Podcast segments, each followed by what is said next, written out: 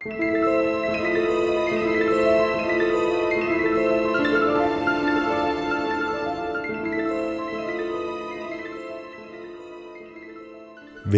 til Forlæst, podcasten, hvor vi lytter os tilbage i litteraturhistorien på jagt efter de klassiske fortællinger, som stadig kan vækkes til live.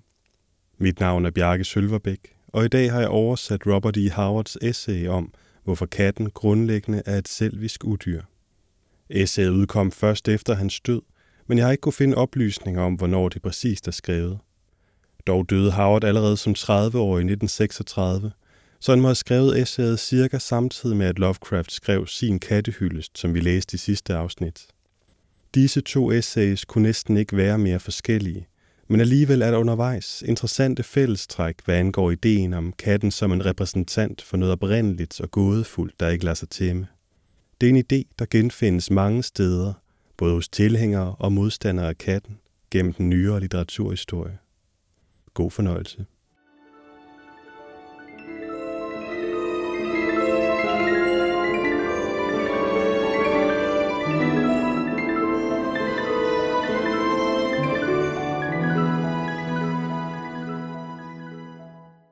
Udyret fra afgrunden af Robert E. Howard efter at have tilbragt det meste af mit liv i byer, der hurtigt har vokset sig store på grund af olieforekomster, er synet af sønderrevne og lemlæstede mennesker mig ikke fremmed. Oftere end jeg bryder mig om at huske, har jeg set mennesker lide, bløde og dø på grund af maskinulykker, knivstik, skudsår og andre uheld. Alligevel tror jeg, at det mest kvalmende skue blandt dem var da en forkrøblet kat haltede langs et fortov og bag sig slæbte et brækket ben, som kun ved huden fortsat sad fast på benstumpen. På denne splindrede benstump forsøgte dyret at gå, og det udstødte af til et lavt stønnende skrig, der kun lignede et kattedyrs almindelige lyde en lille smule. Der er noget særligt rystende ved synet af et dyr i smerte. Den desperate fortvivlelse, ufortyndet af håb eller fornuft, der på en måde gør det til et mere skrækkeligt og tragisk syn end et såret menneske. I en kats smerteskrig synes al den blinde afgrundsdybe pine fra det sorte kosmiske helvedesdyb at være koncentreret. Det er et skrig fra junglen, dødshylet fra en fortid, der er usigeligt fjern, glemt og fornægtet af menneskeheden, men som dog stadig ligger vågen bagerst i underbevidstheden, for der at vækkes og blive til et skælvende minde ved lyden af et smerteskærende hyl fra en dyrisk mund. Ikke kun i smerte og død har katten en påmindelse om denne bestialske fortid. I hans vredesråb og i hans kærlighedsskrig, den glidende bane gennem græsset, den sult, der skamløst brænder i hans sammenknebne øjne, alle hans bevægelser og handlinger fortæller om hans slægtskab med det vilde, hans utæmmelige natur og hans foragt for mennesket. Selvom katten er hunden underlegen, er han ikke desto mindre mere som mennesket end den sidstnævnte. For han er stolt og dog underdanig, grådig, men alligevel kredsen, doven, begærlig og selvisk. Denne sidstnævnte egenskab er i sandhed det dominerende kattetræk. Han er monumentalt selvisk. I hans kærlighed til sig selv er han skamløs, uforbeholden og uforskammet. Han forlanger alt og giver intet til gengæld. Han kræver det i en raspende, sulten, klynkende skrålen, der ser ud til at skælve af selvmelidenhed, og som anklager verden som helhed for troløshed og brudte løfter. Hans øjne er mistænksomme og griske, en gnigers øjne. Hans væremåde er på en gang hårdmodig og fornedret. Han krummer ryggen og gnider sig mod menneskehedens ben og bryder ud i en klagesang fyldt med sorgfulde bønder, mens hans øjne udsender trusler, og hans klør glider krampagtigt ind og ud af deres polstrede hylstre. Hans krav er overdrevne, og han takker ikke for gavmildhed. Hans eneste religion er en urokkelig tro på kattens guddommelige rettigheder. Hunden eksisterer kun for menneskets skyld. Mennesket eksisterer kun for kattens. Den indadvendte kat tænker sig, at han altid er universets centrum. I hans smalle kranium er der ikke plads til ædlere følelser. Træk en druknende killing op af rendestenen og giv ham en blød pude at sove på, og fløde så ofte han lyster. Giv ham husly, og forkæl ham hele hans ubrugelige og selvcentrerede liv. Hvad vil han give dig til gengæld? Han vil tillade dig at stryge hans pels. Han vil skænke dig en nedladende spinde, på samme måde som en, der tildeler dig en umodelig begunstigelse. Der slutter beviserne på taknemmelighed. Dit hus kan brænde over hovedet på dig. Bøller kan bryde ind, voldtage din kone, banke onkel Theobald i hovedet og klynge dig op ved tommelfingrene for at få dig til at afsløre, hvor din opsparede rigdom befinder sig. Den gennemsnitlige hund vil dø i forsvaret af selv onkel Theobald. Men din velnærede og forkælede kat vil se til uden interesse. Han vil ikke gøre sig nogen anstrengelser på dine vegne, og efter kampen vil han sandsynligvis fortære dit ubeskyttede lig. Jeg har kun hørt om én kat, der nogensinde gjorde gavn for føden, og det var ikke på grund af hans egen dyd, men snarere på grund af hans ejers opfindsomhed. For en god del år siden var der en vandringsmand, der krydsede staten Arkansas i en lille vogn, ledsaget af en stor tyk kat af ubestemmelig herkomst. Denne vejfarende arbejdede ikke, og han fiskede heller ikke. Han var et mært individ med et bekymret udtryk, og han så til stadighed udsultet ud, selv når han var fuld af mad. Hans metode til at skaffe sig måltider uden at arbejde var enkel og kunstnerisk.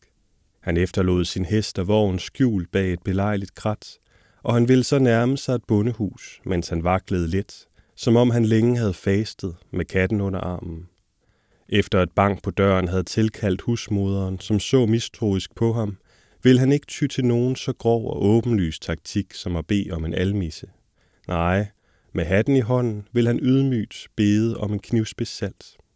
Du fressens, vil det næsten ufravigelige svar lyde. Hvad vil du have salt til? Fru, vil geniet skælvende svare. Jeg er så frygtelig sulten, at jeg vil spise denne her kat. I næsten alle tilfælde var den gode kvinde så chokeret, at hun trak den svagt protesterende vejfarende ind i huset og fyldte hans mave og kattens med det bedste fra sit spisekammer. Jeg er ikke offer for den ejendommelige kattefobi, som rammer nogen mennesker, og jeg er heller ikke en af dem, hvis forkærlighed for dyrene er lige så uforklarlig og tyrannisk i sit udtryk, som den førnævnte afsky. Jeg kan tage imod katte, eller lade dem være. I min barndom var jeg normalt omgivet af katte. Af og til blev de givet til mig, oftere slendrede de simpelthen inden for at slå sig ned. Nogle gange slendrede de næsten lige så fuldt afsted igen. Jeg taler her om almindelige katte, gårdkatte, baggårdskatte, katte uden stamtavle eller en herkomst at være stolt af.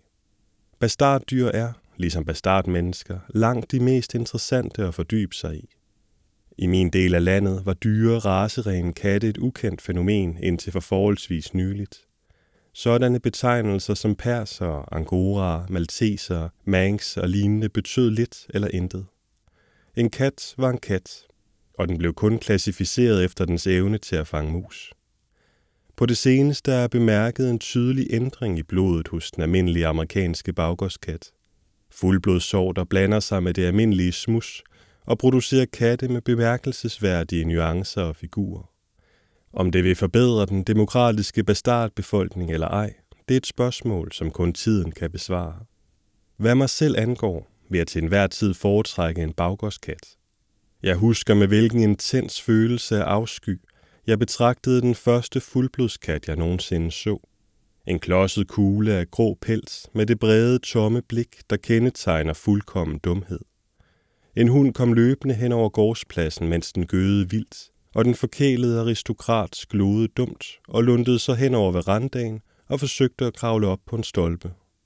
En baggårdskat ville have skudt op af stolpen som en stribe af gråt lyn, og så vende om ved et udsigtspunkt for væsener at skæle og smæle ondt ned på sin fjendes hoved.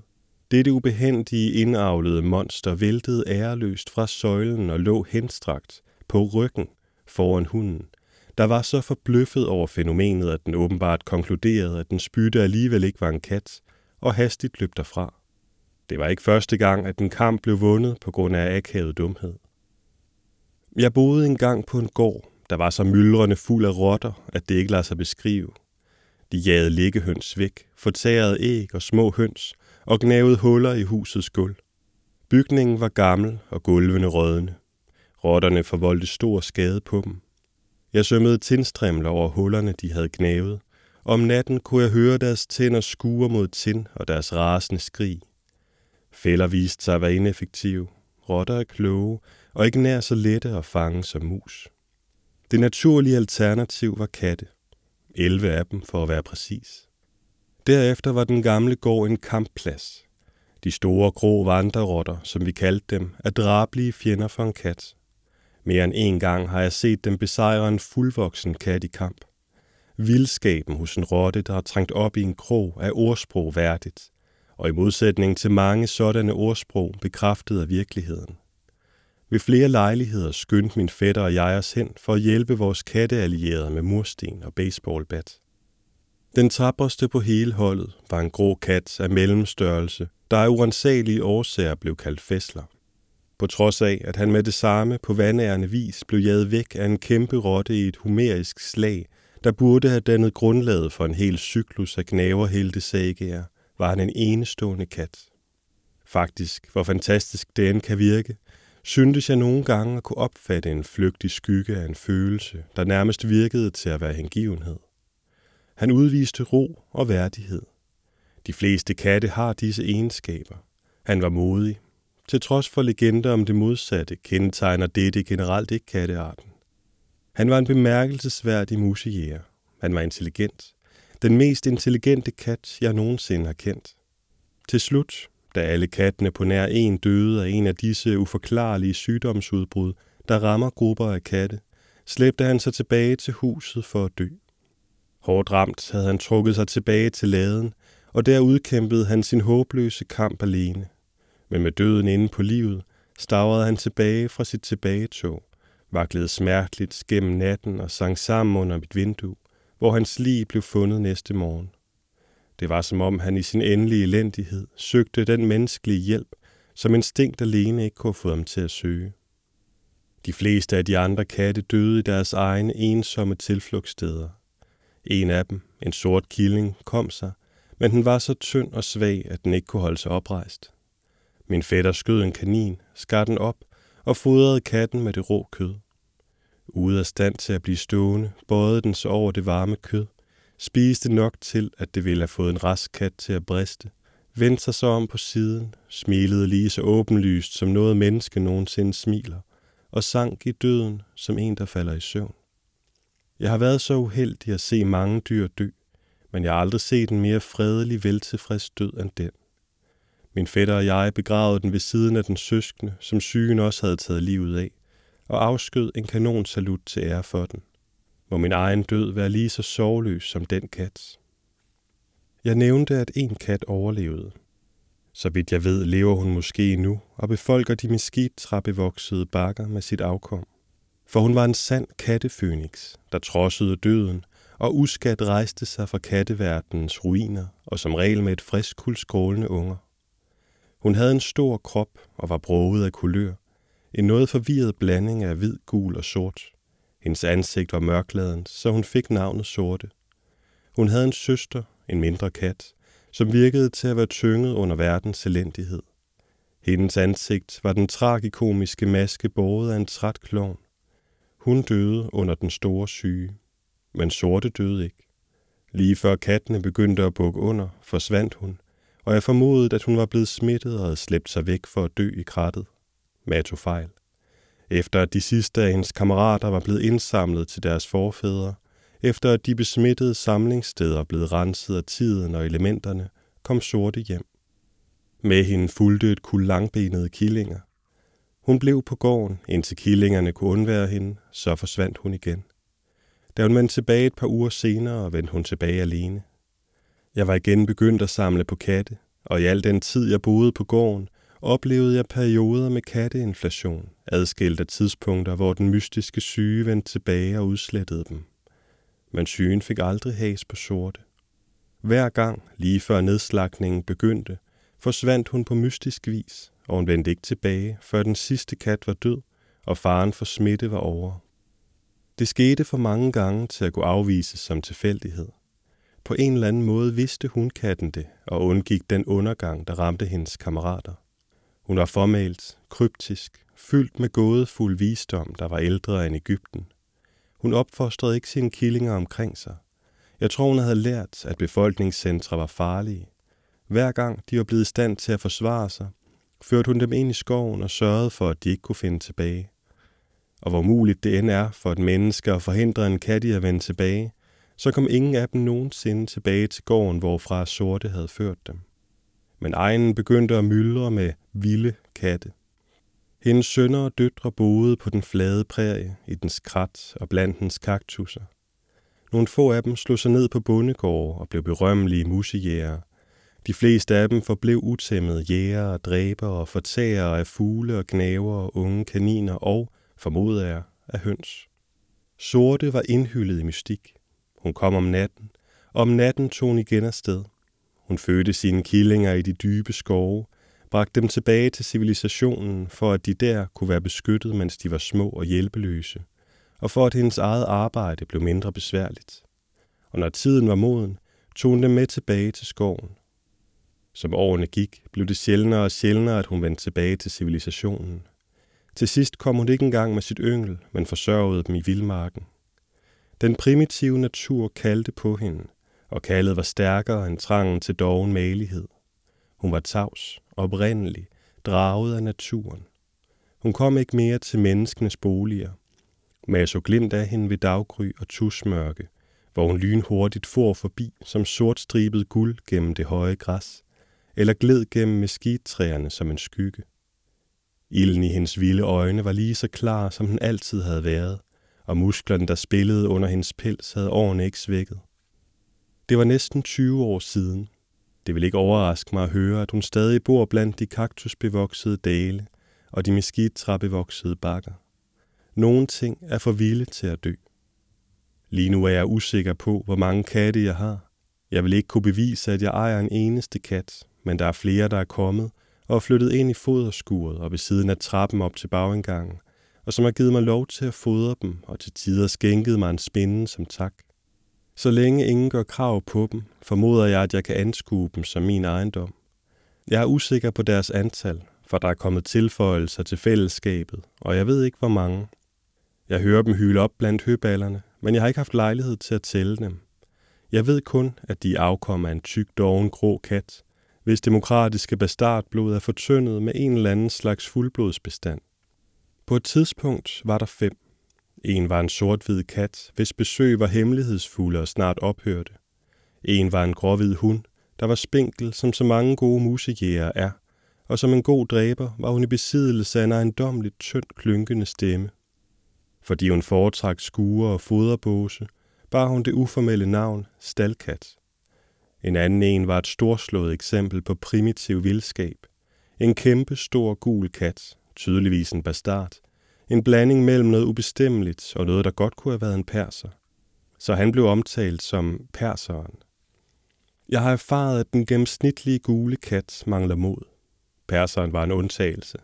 Han var den største, stærkeste blandingsrace, jeg nogensinde har set, og den mest bistre. Han var altid glubende sulten, og hans kraftige kæber knuste kyllingeben på foruroligende vis. Han spiste faktisk mere som en hund end en kat. Han var ikke malig eller kredsen. Han var en kraftig lykkerider, uden moral eller skrubler, men i besiddelse af en misundelsesværdig livskraft. Han var forelsket i stalkat, og ingen kvinde kunne have opført sig koket med større perfektion. Hun behandlede ham som en hund.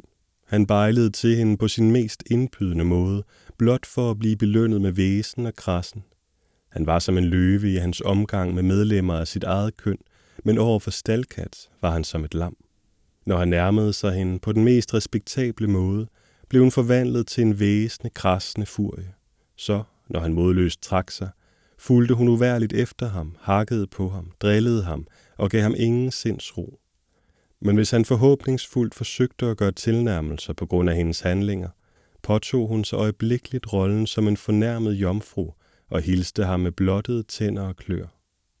Hendes behandling af ham stod i stærk kontrast til hendes indstilling til Hoot, en stor sort-hvid plettet kat, hvis farve fik ham til at se ud, som om han bar en fodboldhjelms næsebeskytter. Hoot var for doven til at bejle til staldkat, og hun tolererede ham, eller rettere ignorerede ham fuldstændig. Han kunne skubbe hende væk fra sit udsete sovested, træde på hendes ører på vej til foderkasserollen, eller endda tilegne sig velvalgte bidder fra hendes personlige måltid, og hun udviste ingen harme, men hvis perseren forsøgte sig med nogen af disse ting, var hun klar til at sønderrive ham. På den anden side var hendes foragt for Hoot åbenlys, og hun udsatte ham aldrig for det drilleri eller den vrede, som hun tilstod perseren.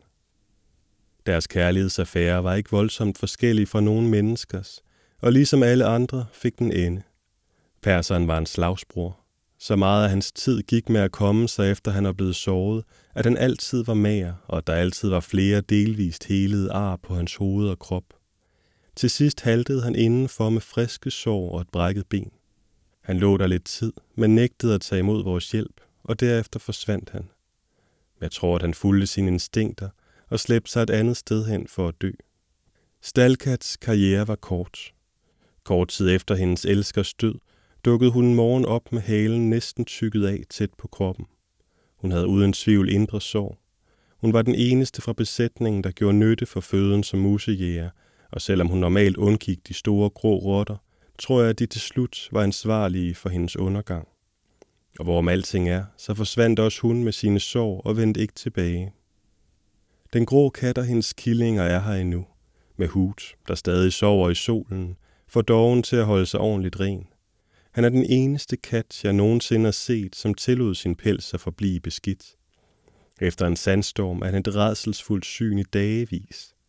Måske fanger han mus om natten, men han udviser ingen entusiasme for andet end ledegang i dagtimerne. En kat har ikke ni liv. Normalt er hans liv kort, voldsomt og tragisk. Han lider og får andre til at lide, hvis muligheden byder sig. Han er primitiv, egoistisk i bestialsk grad. Han er kort sagt et væsen fyldt med forfærdelige og skrækkelige muligheder. En krystallisering af urselvkærligheden. En materialisering af afgrundens mørke og elendighed. Han er en grønåret, stålstøbt, pelsklædt blok af mørke udhugget af materiale fra det helvedesdyb, som ikke kender til lys, ej heller medfølelse eller drømme eller håb eller skønhed, eller noget som helst andet end sult og mætte denne sult. Men han har boet sammen med mennesket siden begyndelsen, og når det sidste menneske lægger sig ned og dør, vil en kat følge med i dit stødskamp og sandsynligvis vil han mæske sig med menneskets stadig koldere kød – for at mætte sin afgrundsdybe sult.